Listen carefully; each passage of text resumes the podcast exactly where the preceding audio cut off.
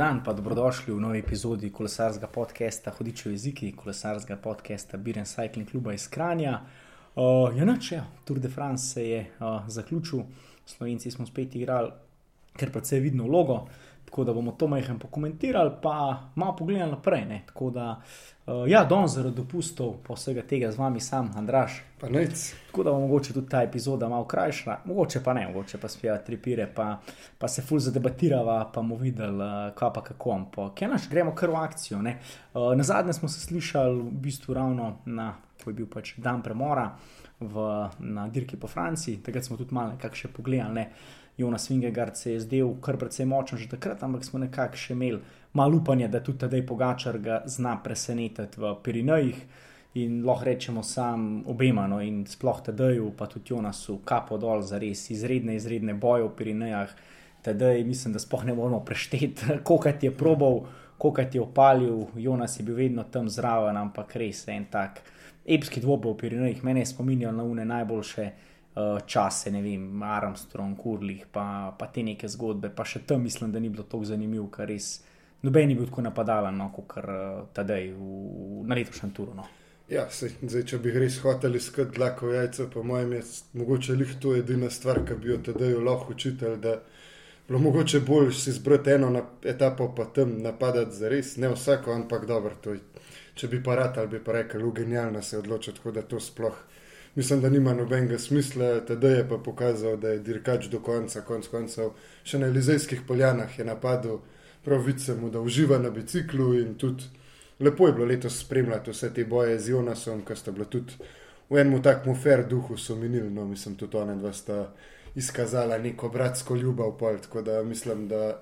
Mislim, da smo spremljali en fantastičen tur, pa da smo tudi dobili zelo zasluženega zmagovalca. No. Ja, no, pa se če tudi pogledamo po dnevu premora, ne, se je tako v bistvu že slabe novice za uh, ekipo Emiratov. Ne. Letos se jih je res držala smola že od pred začetkom dirke, v bistvu, ki je Mateo Trentin se mogel že pred štartom posloviti zaradi korone. Tule smo nekako ravno rekli, ok, imamo še pomočnikov, ampak dobro, močni so mu ostali. Pa je Mark Soler to potem 16. etapo štartov, v bistvu štartov. No. Tako da je bruhal na kolesu, ne, pa ga je v bistvu. Tam se je zelo hitro začel, ste že videli, da verjeten Mark žal ne bo prišel v cilj pred metlo, ne, sicer je probal, ne, kar se je na koncu tudi zgodilo, ne, počesala ga je metla. Uh, na tej etapi je pretresljiv, ne tudi uh, Van Art je bil v begu, ne, uh, skozi je imel nekako uh, to misel, da se lahko vrne, če bo pogačar napadel. In uh, klej je bil še ta problem, ko je v bistvu tudi. Uh, Rafal Majka, ne, uh, tule na tistem zadnjem klancu, nesrečno se mu strgala veriga, ne, ali je ja, dol nekaj, padla. Nekaj od tega, ja. Še na trgu mišico, tako da res ena etapa, mogoče za pozabo za ekipo Emiratov, ne, zgubili so dva, mislim, Majka je sicer prišel v cilj, ne, pa potem naslednji dan ni mogel štartati, ampak nekako so na tej etapi izgubili dva pomočnika. Uh, ne bi se nekaj preveč tukaj ustavljal, ampak mogoče lahko samo menimo še tega zmagovalca, ne, Hugo, uh, Hul je v bistvu res en zanimiv kolesar. No. Prva personalna njegova zmaga uh, v karieri, uh, je pa edino to tlele. No, jaz sem recimo to etapa pogledal na GCN oziroma na Eurosportu in je komentator res zelo, zelo lepo čustveno pospremil, ker Hugo je že na enem intervjuju no, pred uh, dirko po Franciji napovedal, da si pač res želi zmagati tule na dirki po Franciji in da bi to zmago posvetil pokojnemu bratu, s katerim sta kot otroka skupaj gledala v jutranjih urah eh, Kanade, dirko po Franciji, vsak, vsak dan, uh, in je potem, mislim, da deset let nazaj, en pijan voznik zbil njegovega brata in je potem tudi na koncu Hugo pokazal v zrak, uh, tudi zelo čustveno polo intervjuju.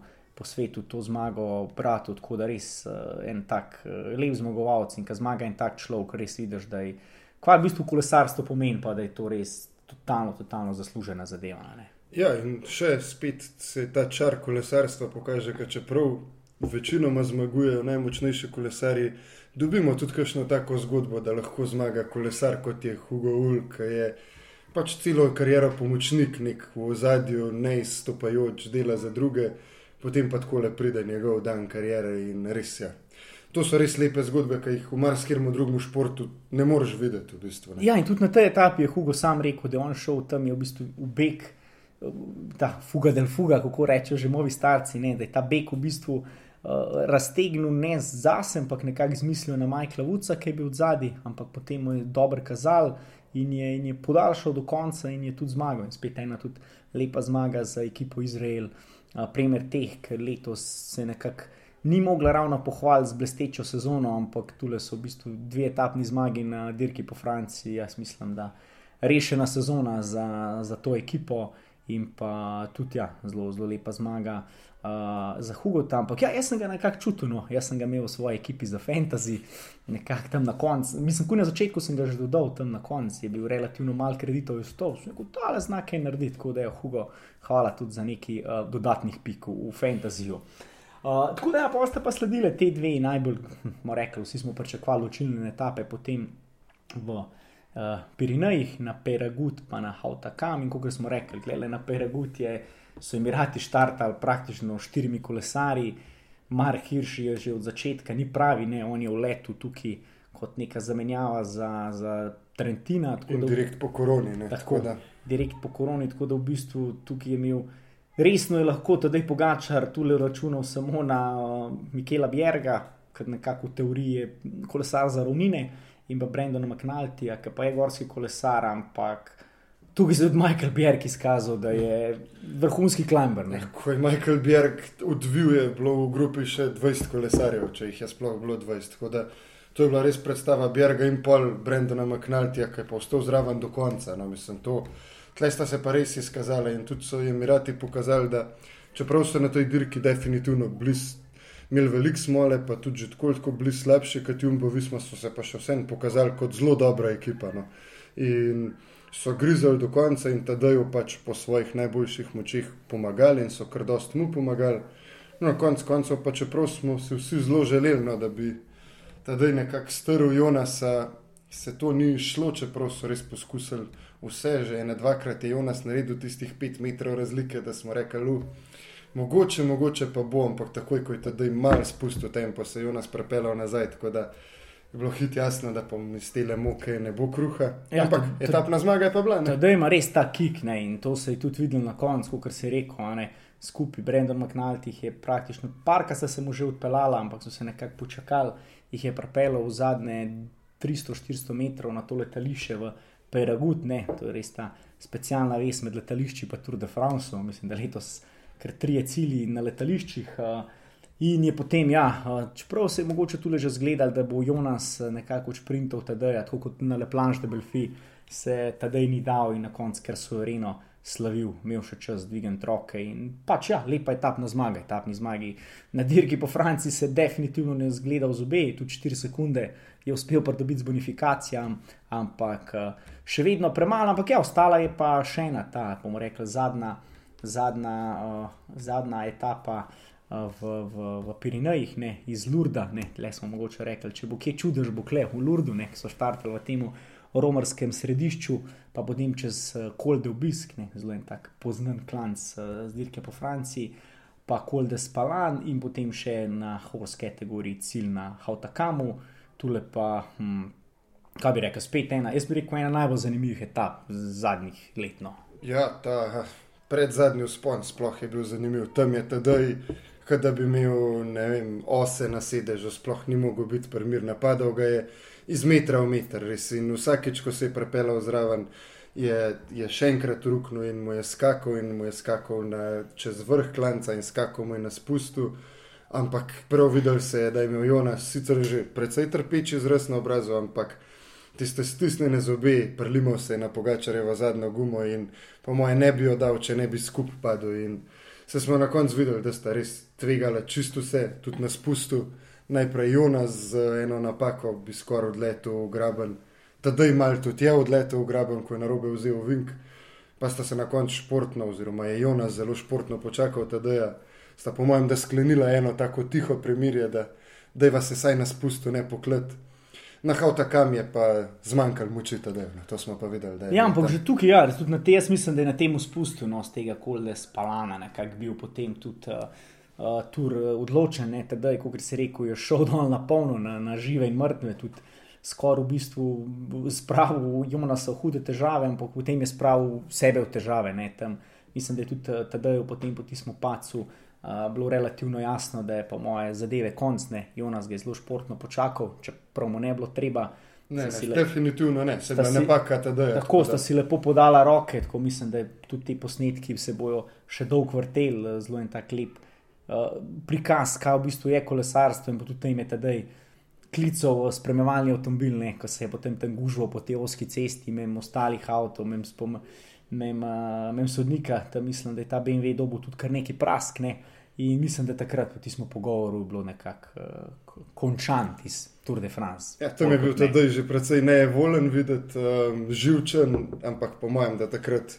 Ja, po neke... mojem, sem mu popustil živce, ker enostavno videl, da mu ne more. Nač. Neke špekulacije sem jaz tam bral, v bistvu, kaj, kaj v teh pogovorih bilo, neko, ker da sem mu z radija na radio da ne on še kar naprej navija, pa da ne gre dol na polno, a ne on je pa, pač takrat rekel, da sam želim etapno zmago, pa je to to, ampak ja, to, to ne vemo, mogoče bomo čez par let ozvedeli, kaj se je tam dogajalo.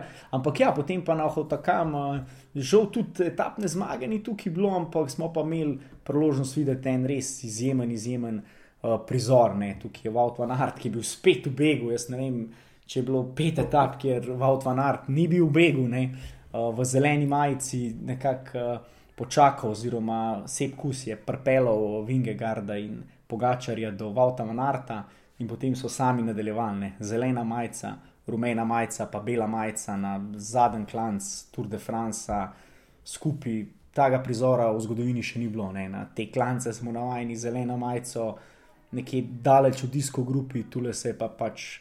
Vaut van Art potem praktično tudi zlomil, da je pogačare, ne? ko je bil Vaut van Art na smeni, da je tukaj uh, spustil, ne? tako da res ni taki nevrjetni, pa zanimivi prizori. Ne? Ja, to, to je res, če ga navijaš tako, da pogačar odpade in odpaduje. Res, ne glej kot knop odgad, ki še vse je na koncu ostal samo minuto, ampak je bilo pa jasen v tem prvem trenutku, ko je tedaj spustil, da ne bo več ojel, da to je to, da pač gre prehiter za njega, sprijazno se je. In... Res, tako kot sva prej rekla, vse se nima kaj učiti. Naredil je čisto vse na tem turu, kar bi lahko naredil. In jaz mislim, da dobro, verjetno se, če bi ga še enkrat čudil, kad bi se v tisti etapi na Granon, ki se je pač skazala za odločilno, mogoče naredil kaj drugače, ne pokril na Galibiji vseh tistih napadov, mogoče dirko malo bolj konzervativno, ampak za nazaj je vedno lahko soditi. Ja, težko biti zdaj pameten, ampak ja, res lahko sam damo obema, obema kapo dol. In tukaj na Hotakam še ena zanimivost.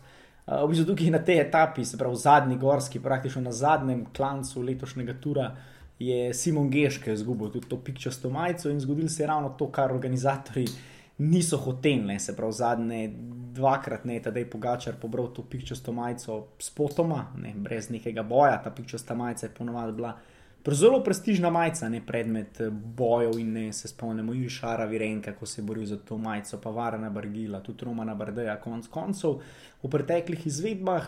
Letos pa ne vem, najc. jaz sem pa ste videl, ko še boj za to pikčasto majico. Mene je ekipa kar, mislim, tukaj so videli v spredju za rumeno majico, se praktično lahko borita Vingegard, Pogačar, mal je poskušal Tomas Painos za zeleno majico je imel praktično od prvega dneva naprej podpisano Vanart, Belo Pogačar.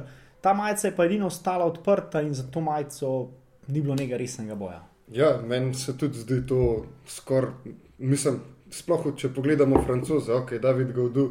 Konc dirko končal na četrtem mestu, pa recimo, da mislim, četrto mesto je lep dosežek, to nimamo kaj, ampak že poj, tudi sploh ti bo pino, on se je zaletaval v, te, v to etapno zmago, kar mu pač ni bila dosegljiva.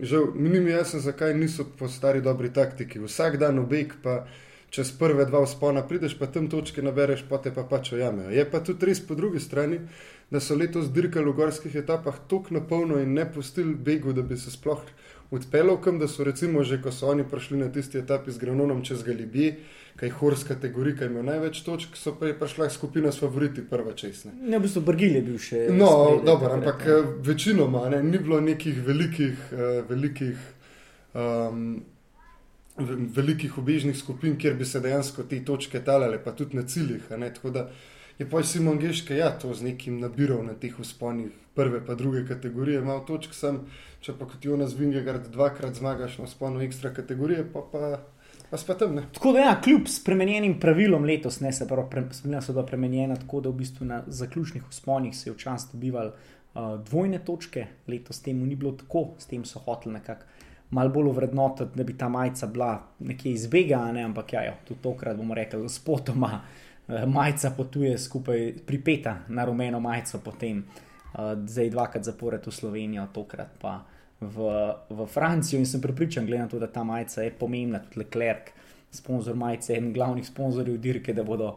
Probal eh, še kaj nagruntati za drugo leto, da bo ta majica, ker tudi potem imaš na podelitvi v Franciji, v, v Parizu, en manjka na odru in sigurno bojo probal nekaj naumiti, da, bo, da bojo štirje stali naslednje leto. Parizu, ja, zdaj pa je samo še vprašanje, če moraš drugače začeti etape formirati in ne da je samo zaključek usponov. Če boš, ali pa ne čist na začetek, nekako je nekaj treba sforsirati, tako da bo beg prišel čez. Zdaj, po mojem, pa to tudi malo odvisen ne, od odvisen... samih, raz, samega razvoja dirke. Ne. Ne, to je definitivno tudi odvisen predvsej od, od kolesarjev, ne? ker tu le razen Giulio Čekone, ki je v bistvu zadnjo etapo potem poskušal, pred, zadnji dve etapi nekako poskušal malo resno napasti to majico. Hm, Tako smo rekli, no, smo pogrešali kolesarje, ki bi targetirali zadevo malo bolj, malo bolj resno. Ne vem, mogoče sem tudi Michael Storarja, mogoče imel v mislih pred samo dirko za pikčasto majico, da bi se znal videti, pa še marzdone. Pa pač tega ni bilo in bi rekel, da je edino pravilno, da gre, ker Jonas je dejansko bil uh, najboljši klančar te dirke. In tudi uh, smo videli no, na tem sponu na Hotakamo, da ti z granon. Uh, potem smo videli, da granon ni bil, da je ne jim pogača reči za bilne, se je potem odlično še držal, ampak ni bil samo en slab dan, ki bi ga lahko ukarakteriziral, zakaj je ta da izgubil dirko, ampak da je bil Jonas Ingegar preprosto malenkost močnejši na sponih, ampak ostali so bili pa daleč, daleč, daleč re, res daleč zadaj, ampak do tega še pridemo, mogoče če se potem sam pomaknemo še naprej. Uh, Francozi so bili do 18. etape brez etapne zmage. Ne. To je bilo praktično že zgledal, da glede na to, da oni nekih hudih šprinterjev tle nimajo. Je praktično že zgledal, da bodo francozi prvič po mislim, 20 letih, mislim, 2002, nekaj takega je bilo na zadnje, da so ostali brez etapne zmage, ampak jih je v 19. etapi z eno nevrjetno akcijo rešil Kristof Laport. Ja, in spet ta moč Jumbo Visme, v bistvu nek peti mož v ekipi Jumbo Visme, v 19. etapi prvič dobi proste roke in v sprintu. Se je glik, da ne poigral. No. Mislim, da je taktično odlično ga je odpeljal. Šprint, ne, on se je na pol. Na pol ja. Skočil je za zajčka, je vzel tisto zadnjo akcijo Freda Wrighta in potem iz zaveterja samo še švignil do cilja.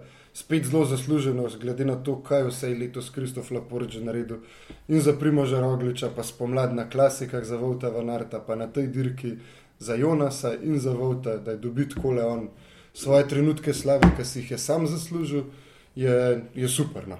Ja, in čist tak, prerojen pre, pre, pre kolesar, ne, on je že ima uh, kar nekaj kilometrine, ne, večino svoje kariere vozil za Kofidis, ne, kjer je bil manj opazen, oziroma on je tam bil kot nek lider tistega Kofidisa, ampak brez nekih uh, resnih rezultatov, zdaj pa, ki se je v bistvu preselil uh, v, v Jumbo Visma kot pomočnik, pa dosega rezultate. Da, uh, zanimiv, zanimiv razvoj Kristofa Laporta. Ok, zledil je pa sam še pol ta zadnji uh, kronometer. Ne, hvala Bogu, podpiram organizatorje, da je bil končno mal daljši, ne, meni tisti kronometri 13-20 km, to ni, ne, kronometer mora biti vsaj 40 km, če ne več. Ne. In tukaj smo nekako že vedeli, ne, da te dej pogačar te skoraj 3 minute nadoknaditi praktično ne more, ampak. V kronometrih je že uh, Jumbo Visma zgubljala skoraj da ne zihar majice, tako da se mi zdi, da tudi oni so bili tukaj uh, precej napeti, uh, precej živčni, In tudi Jonas Vingegard se je podal na pot, kar precej olin, ne? na obmestnih časih je bil tam, tam z Vautom Artom, oziroma ga je še uh, prehiteval za par sekund, potem je pa naredil še tisti nerazumljiv spust, ki bi praktično 3 km do cilja lahko. Tam je. Zapravil vse. Tam je bila majica že rešena, stop na bremze, pa zgub še pol minute, pa pridživ do cilja. No, tam je bil res par centimetrov od skal, kjer bi šla rumena majica po zlu, res 3 km pred koncem tekmovalnega dela Tura. Hvala Bogu, da ni. No. Ja, no, če, če niste pogledali tega posnetka, morate res zapogledati se tudi s parimi tako kolesarskimi strokovnjaki, ravno dirki po Kranju. govoril in so si se sam čudili. So rekli, fant je imel 3 minute prednosti, 3 km do cilja, samo še en tak spust, pa potem uspon, ampak Jonas je to odpeljal. 110% na polno in ja, skoraj končal v skalah. In če bi tam končal v skalah pri tistih hitrostih, bi bilo čist možno, da ne bi se mogel več usedeti nazaj na kolo in bi, bi rumena majica res plavala. In pa, pa ne vem, kako bi jim bil videl. Zame zaprejo dol ekipo, to pa res.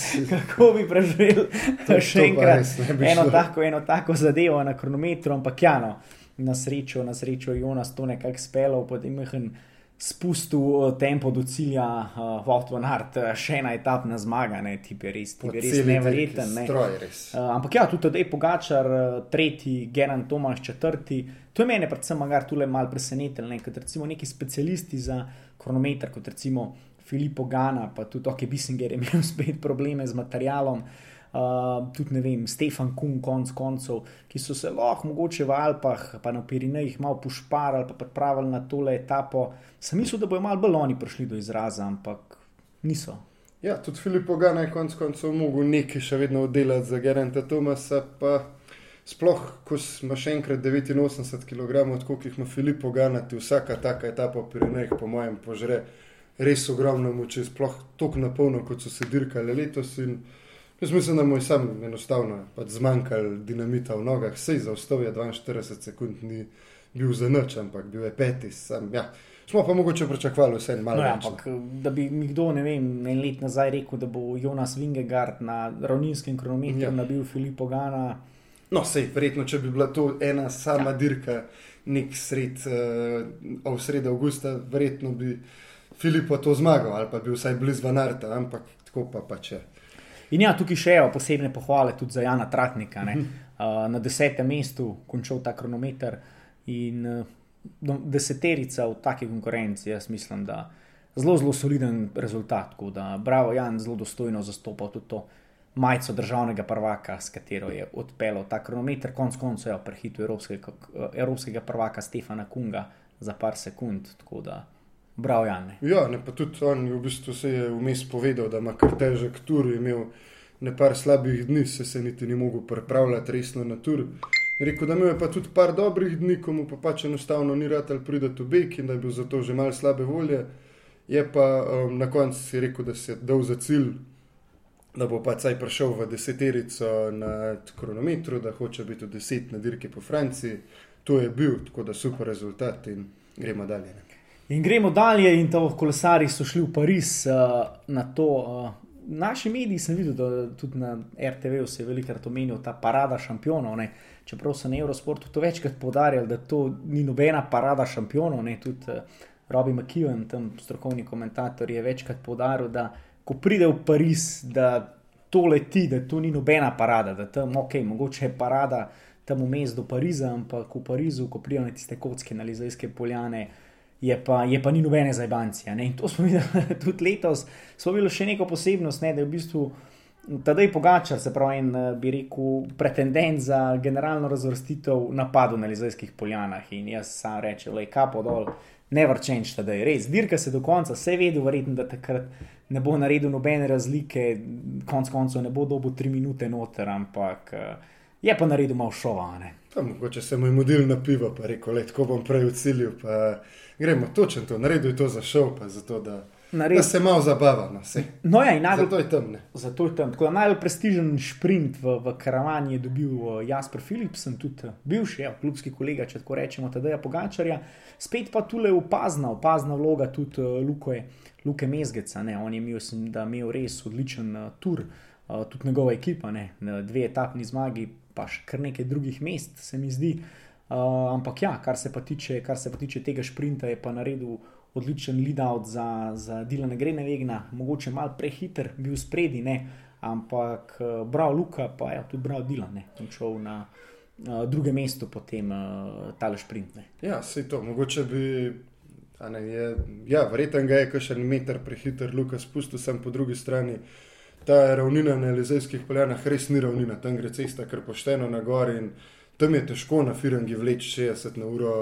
Če to na ravnini lahko delaš 200 metrov, pač tam delaš 150 metrov. In to se je poznalo, in konec koncev se je tudi videl, kako je delano odrezal, kako mu je Philipsen mim preletel. Tako da mislim, Ja, tako po desni, ne, zelo zanimivo. da boljš ne bi mogel, več ne bi mogel iz tega iztržiti. Tako da mislim, da ja, se je z enim lepim sprintom na lep način zaključil. En res fajn tur, no, zelo zanimiv tur. Jaz moram reči, da čeprav ni bilo slovenske zmage, sem ga veliko bolj z veseljem, vse sem ga lan tudi z veseljem spremljal, pa ga je bilo bolj zanimivo je bilo gledati. Pač nik smo imeli boj za zmago, tako se zagrene. No, pa tudi to je bilo zanimivo, da so spet eh, gledalci lahko prišli brez omejitev. Okay, se, že lani je načeloma niso jih lih ganjali, niso jih lih spodbujali, ne, neka majhna nekaj. siva cona. Ne. Letos pa res pač ogromno gledalcev spet na vseh teh uh, sploh zaključnih usponih, v bistvu praktično kjerkoli spomnimo se Sante Danske. Ne. Ogromno tudi slovenskih zastav po celotni trasi in to da se mi zdi športu en tak eh, poseben draž. Ne. Jaz sem recimo nogomet vmes, ko je bil uh, zaprti stadion in sem ga praktično nehal gledati. Ne moreš gledati tekmo lige prvakov, pa taka tišina tam, da me ga ne slišiš. Tudi tiste se spomnim izvedbe dirke po Flandriji, brez gledalcev. Sicer sem gledal, ampak mi je bila muka to gledati, gledaš une ograje, kot dirka po Kranju, tam noben ga ne zanima, ne? teoretično. Ne? Ampak tole pa vrhunsko, no, tudi z tega vidika je bilo top, no, tudi mi prvič v vlogi gledalcev in definitivno, definitivno se, se v Francijo uh, še vrnemo in lej, spet smo usvojili uh, tri etapne zmage, um, bela majica, uh, Drugo mesto, generalno. Tako da to so res rezultati, ki treba izkoristiti zdaj. Boh ve, da Ja, bomo spet imeli tako to. generacijo na cesti. Ja, pa mogoče sam za zaključek tega Tour de France klopa. Mm, Jaz bi samo eno stvar pokomentiral pri teh uh, generalnih rezultatih. Rekli smo, Jonas Vingegaard, Tadej Pogačar, res razred zase, tri minute razlike, ok, na koncu 2-43, ker si je Jumbo Visma vzela še na izraelskih poljanah približno 30 sekund časa za tisto skupno slikanje. Uh, tedaj si ni, ne, tako da tedaj mislim tam nadoknadil še ne 30 sekund, ampak rečemo, ja, slabe 3 minute razlike, potem pa ogromne, ogromne razlike v deseterici. Ne. Geran Tomas na tretjem mestu zaostal že 7 minut, potem če pogledam do desetega mesta, Adama Jajca 24-25 minut praktično. To je res ogromne razlike. Ne. Ja, zelo, zelo velike. V bistvu ta prva dva sta res bila, vse sta bila celo dirko razred zase. Je pa tudi se na koncu pokazalo, kar tudi rezultati kažejo, da je bil tudi Geran Tomas na tretjem mestu razred zase. On Tako. ni mogel ne gor, dol ga pa tudi nihče ni ogrožal. Je Geranta pač- Tomasa sem zasledil v bistvu, da je obračal celo boljše cifre, kot takrat, ko je zmagal Tour de France. Ne. Uh, dva, Sam se boril z 2018, ne, ja. 2018, sam se boril z dvema izjemnima. Tako, ne, to je tudi, to je tudi ne. zapovedati. Geran Tomas na teli dirki ni bil slab, on je Ja. tukaj praktično v, v življenjski formi, pa je izvlekel to tretje mesto in je bil izredno, izredno vesel tega tretjega mesta. Ne. Tako da, da sam vemo, kje v bistvu sta, tadej Pogačar, pa potem uh, Jonas Vingegaard. Ne. In pol vidimo, ja.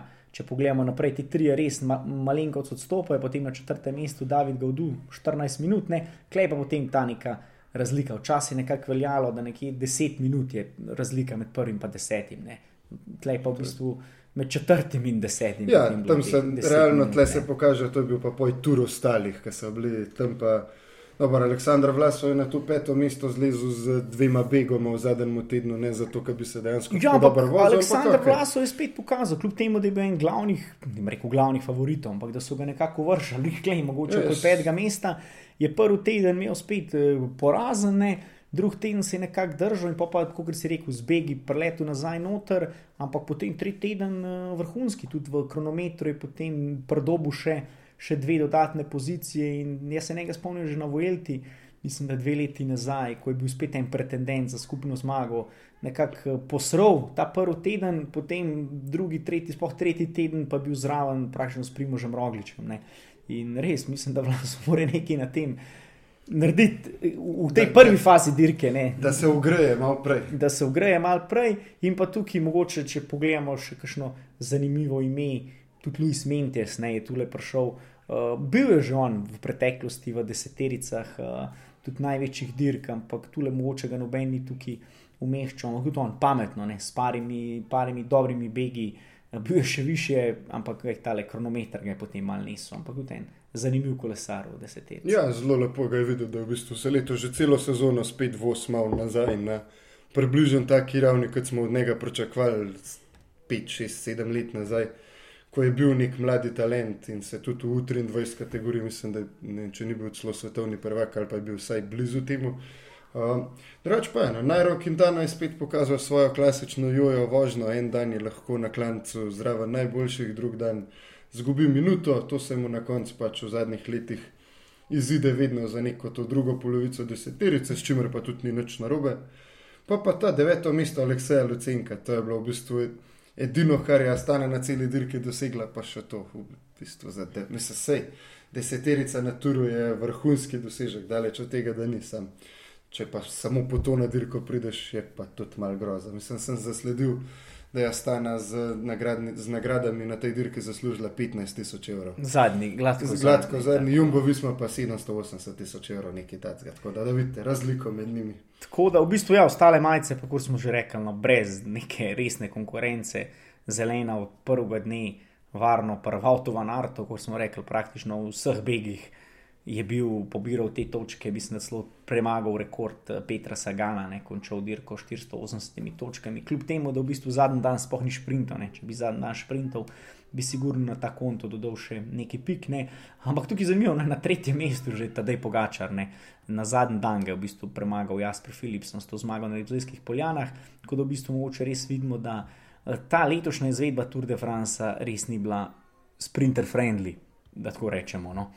Uh, tudi, ja, ok, za pikčasto majico smo že pokomentirali, bela majica pa tudi brez konkurence, na ramenih TD-ja Pogačarja od uh, Danske, od prvega dneva do Pariza, drugo vrščenega Tomasa Pitkoga, ki pač ja, se potem niti ni boril za to majico, ampak vseeno, ne, bil, je, bil je razvrstitvi, ga je premagal skoraj za eno uro. Ne.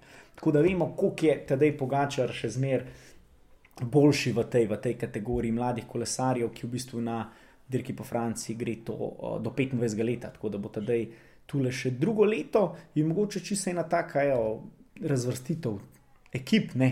To je pa edina, ki mogoče je neka sprememba od lani. Ne? Lani je tukaj zmagal Bahrajn, letos pa kar z veliko prednostjo Ineos, te se računajo ne? prvi trije kolesari uh, vsake ekipe, to je pa pač predvsem narovaš tega, da ne smejo tri kapetane, ki so tudi vsi trije.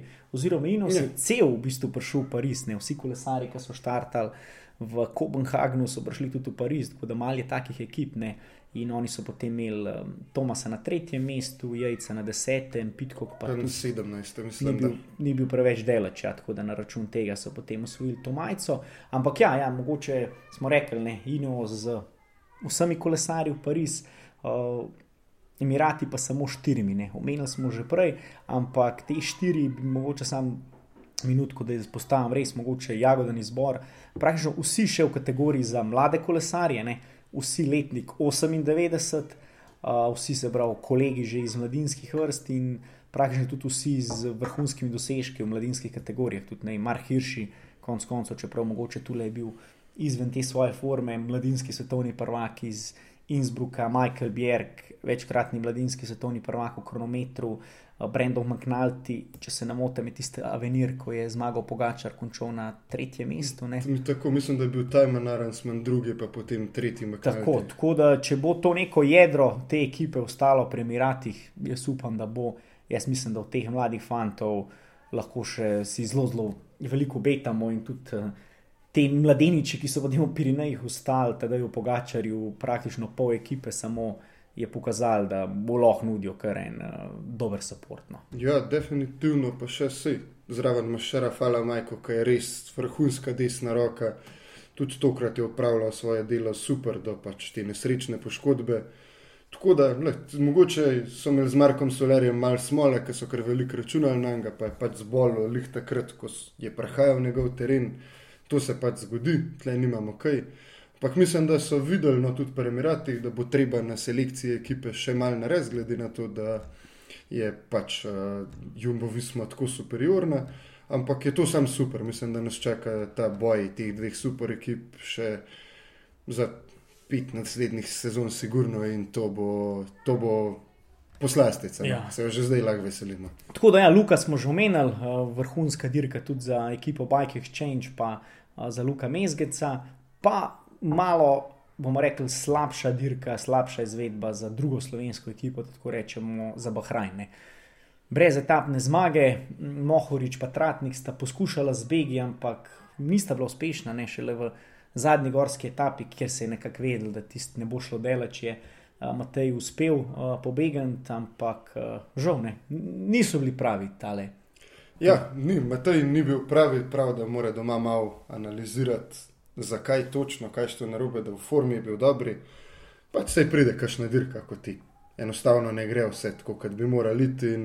Po mojem, da je treba čim manj ja, dramatizirati, oziroma čim manj razmišljati o tem, pa iti dalje, ker jaz sem prepričan, da bo Matej že v nedeljo na San Sebastianu spet ta prav. Če pa še ne zdaj, bo pa pač ob koncu sezone, ampak bo. Bo, bo sigurno. Če pa mogoče, ja, tle še eno svetlo točko, po Hrajnu bi pa jaz definitivno izpostavil tega mladega Britanca, Freda Wrighta. Ne.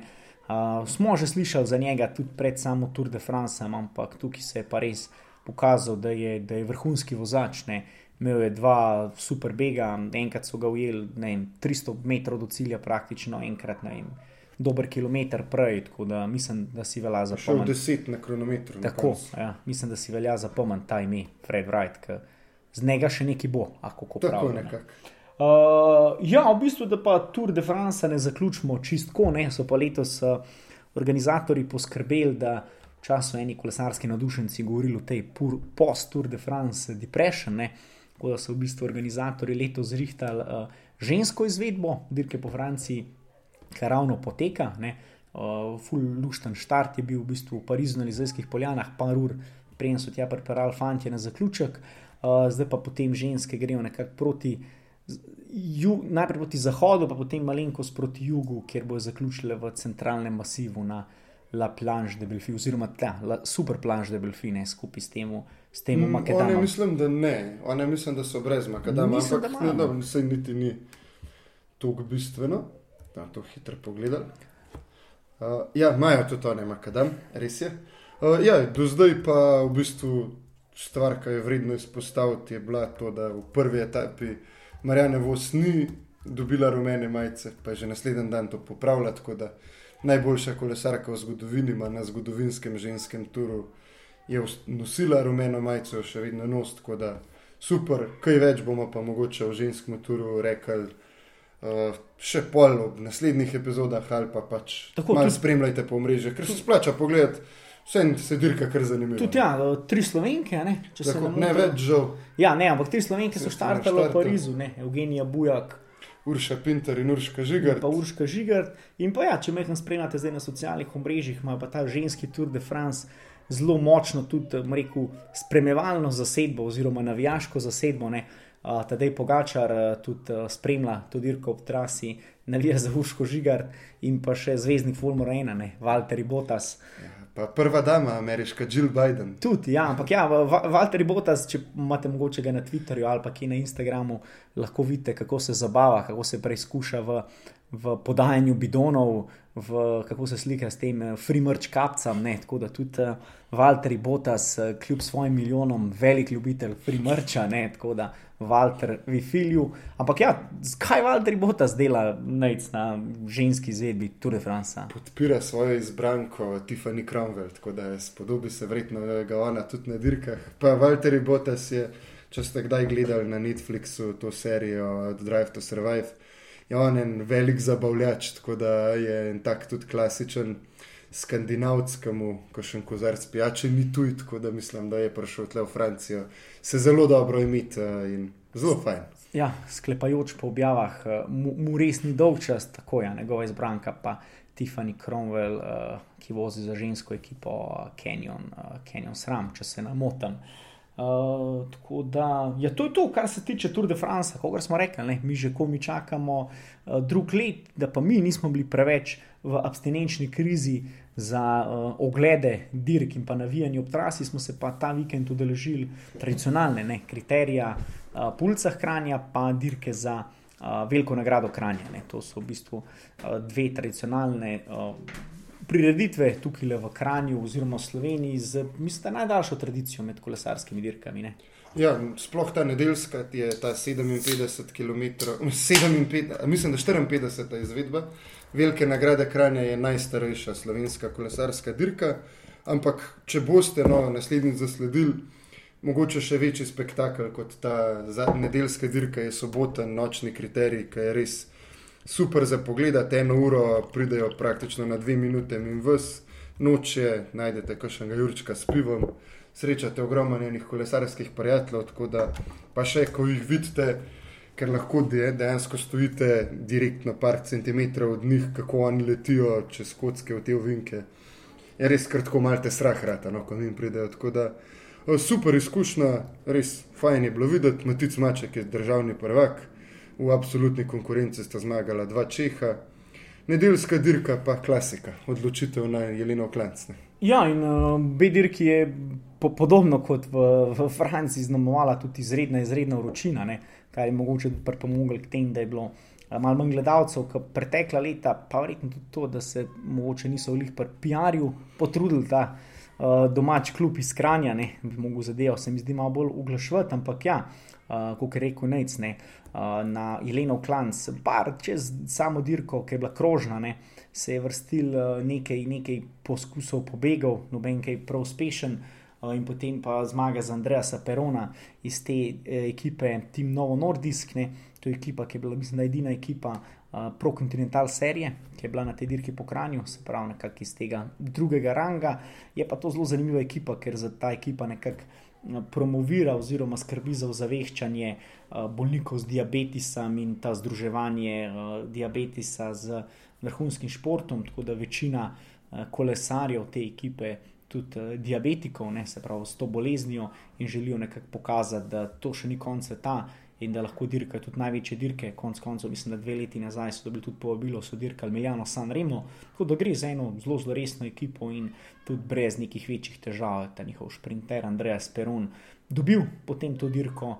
Na tretjem mestu pa najdemo ja, prvega slovenca, Tilna Finkšta, ki letos nekako rešuje slovensko čast na teh domačih dirkah, že na Velinke Rade Gorenske v Crklah, na stopničkah, to so pa edine dvoje stopničke za uh, slovenske kolesarje na letošnjih domačih dirkah. Ne.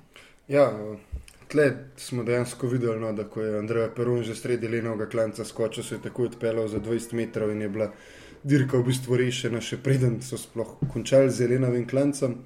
Tam je imel mogoče Finkš malo smole v tistem zadnjem levem ovinku, da bi malo zaprt, če ne bi mogoče prišel na drugo mesto, ampak tudi tretje mesto, če super rezultat na vse konkurence vsem, vsaj za slovenske ekipe, je bila kar, kar resna. Reč pa je, no, to je to. Ampak ja, drugače, bi omenil mogoče evo, tudi uh, kolesari domačega kluba iz Kranja so se letos v redu pelali, kar izkazali, Luka Zihar ali pa Matej. Sploh Matej Drinovc je bil že en dan prej na kriteriju zelo, zelo aktiven. Sta končala potem na 16. in 17. mestu, 4 sekunde z zmagovalcem, takoj zanima na 18. mestu pa moramo meniti, uh, legenda svetovnega kolesarstva. Če, mis, če ste mislili, da je nehal dirkati, če ste mislili, da je Leandro Valverde str, pol ste mogoče pozabili na Davida Rebelina, ne? ker ti David Rebelin, letnik 71, ne? se pravi, pri 50 letih, evo, kmalo bo slavil svoj 51. rojstni dan, zavrl srečo Abrahama. Zdaj si vi predstavljate enega poprečnega 50-letnika na Abrahamu, kam lahko že malo bir Bauha, pa že malo broj dane do penzije, in se mu nadajo, da David Rebelin se preganja na teh uh, dirkah niže ravni z mladci, če tako pogledamo, ne, ker to ponovadi dirkajo ti mladi kolesari in jim je konkurenčen. Ne. Ampak ja, res da gre za zmagovalca spomenikov. Lež Baston, Lež je zmagal leta 2004. Pa, za olimpijskega medalista. Tudi, ja, eh, tudi recimo zmagal trikrat uh, Flash Valon, pa zmagovalec Pariznice, leta 2008, pa zmagovalec Trina Adriatika leta 2001. 21 let nazaj je zmagal v terenu Adriatiko in je še zmeraj aktiven, tako da res nevreten vozač. In, evo, evo, moj sin ima tudi eh, opcijo, oziroma Žan Sadr mu je zrihtel bidon od njegove ekipe, tako da Work Service, Vital, Ker Vega in David Rebelin. Ne vrčen, čisto priče, drug let v kran, lahko že ga spijemo. Ne. Tako je, super je bilo, je bilo super, zdaj pa če še za čist za konc pogledamo, sem še tudi mi, si moramo po turu vzeti malo pauze. Ta letošnja sezona je bila tako uspešna, da smo posneli že zdaj več podcastov, kot smo jih mislili. Uh, zdaj pa ja, kar nam ostaja v naslednjih, v 30. se pravi v soboto, imate še uh, imate eno zanimivo dirko in to je klasika San Sebastian, kjer bo tedaj pogačar še zadnjič v akciji pred svojim štiritedenskim premorom, na Vojlti ga ne bo, to smo malo že potih tudi slutili in pričakovali. Hkrati se vam začenja tudi ta vikend dirka po Polski, kjer bo, saj na štartni listi Jan Tratnik, to je zdaj še malo treba preveriti, ker glede na to, kaj vse letos Jan že odpeljal, bi bilo skoraj čudno, če ga dajo še na Polsko, ampak bomo videli. Uh, tako da, ja, zdaj v tem trenutku je najbolj v zraku, kaj bo s Primožem Rogličem in njegovimi vretenci, če bo na Vojlti, mi vsi držimo pesti, da bo. Vmes vas pa sredo avgusta, tam nek se bomo verjetno tudi kaj slišali po Evropskem prvenstvu.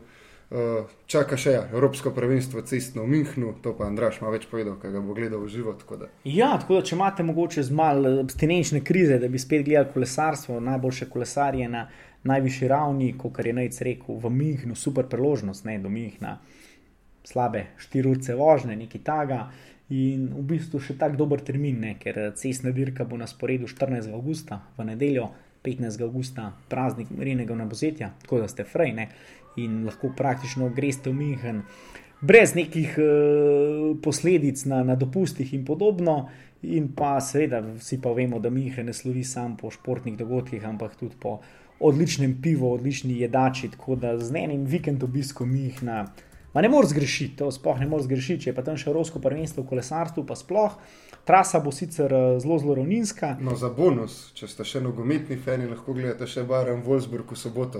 Ne, ni v nedeljo. 14.8. v nedeljo. Ja, nedeljo. Ja, ja, isti, jaz sem že gledal, težko, težko se skombinira. Težko se skombinira, res je, res je. Mogoče malo smole, no, ampak ja. to, sem že, to sem že preveril. Ampak je, je pa zanimivo, ker je letos eh, več evropskih prvenstv istočasno poteka v Mihnu, tudi v, v drugih športih. Tako to malo pogledajte, tudi ping-pong, recimo moj kolega se tja odpravlja zaradi ping-ponga, ne zaradi kolesarstva.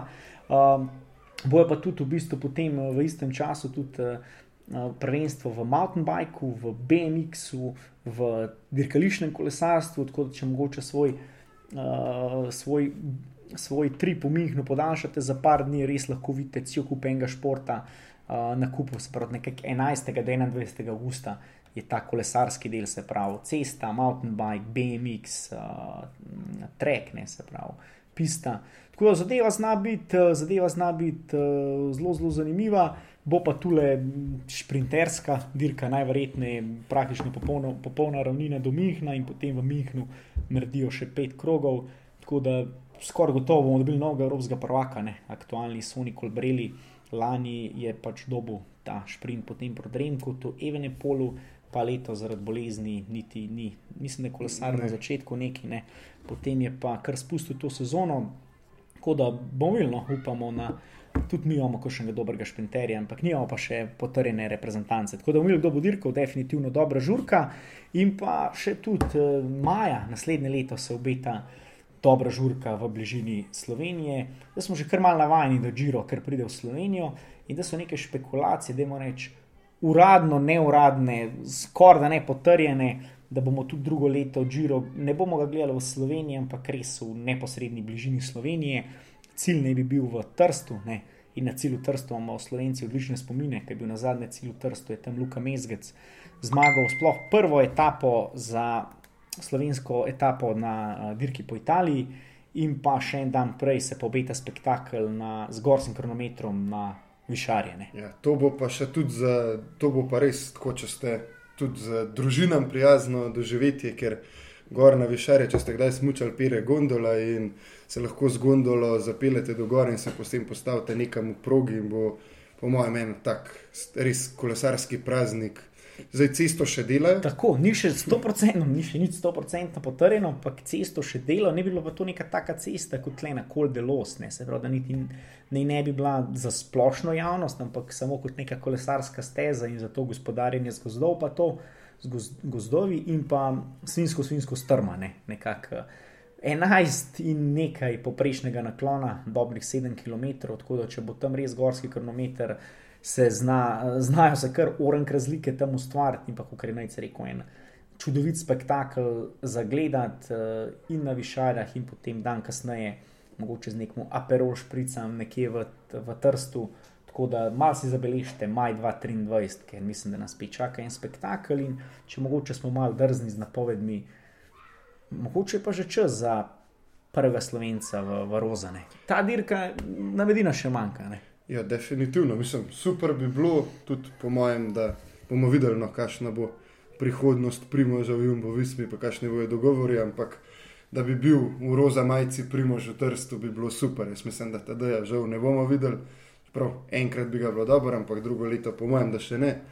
Primož bi pa lahko in če bi v Trstu Slovenci slavili prvo skupno zmago na Džiru, to bi bil pa kar dosežek. To samo no, res. Trst je naš. Ne? Tako da, da na zdravje pa se slišimo. Se slišimo.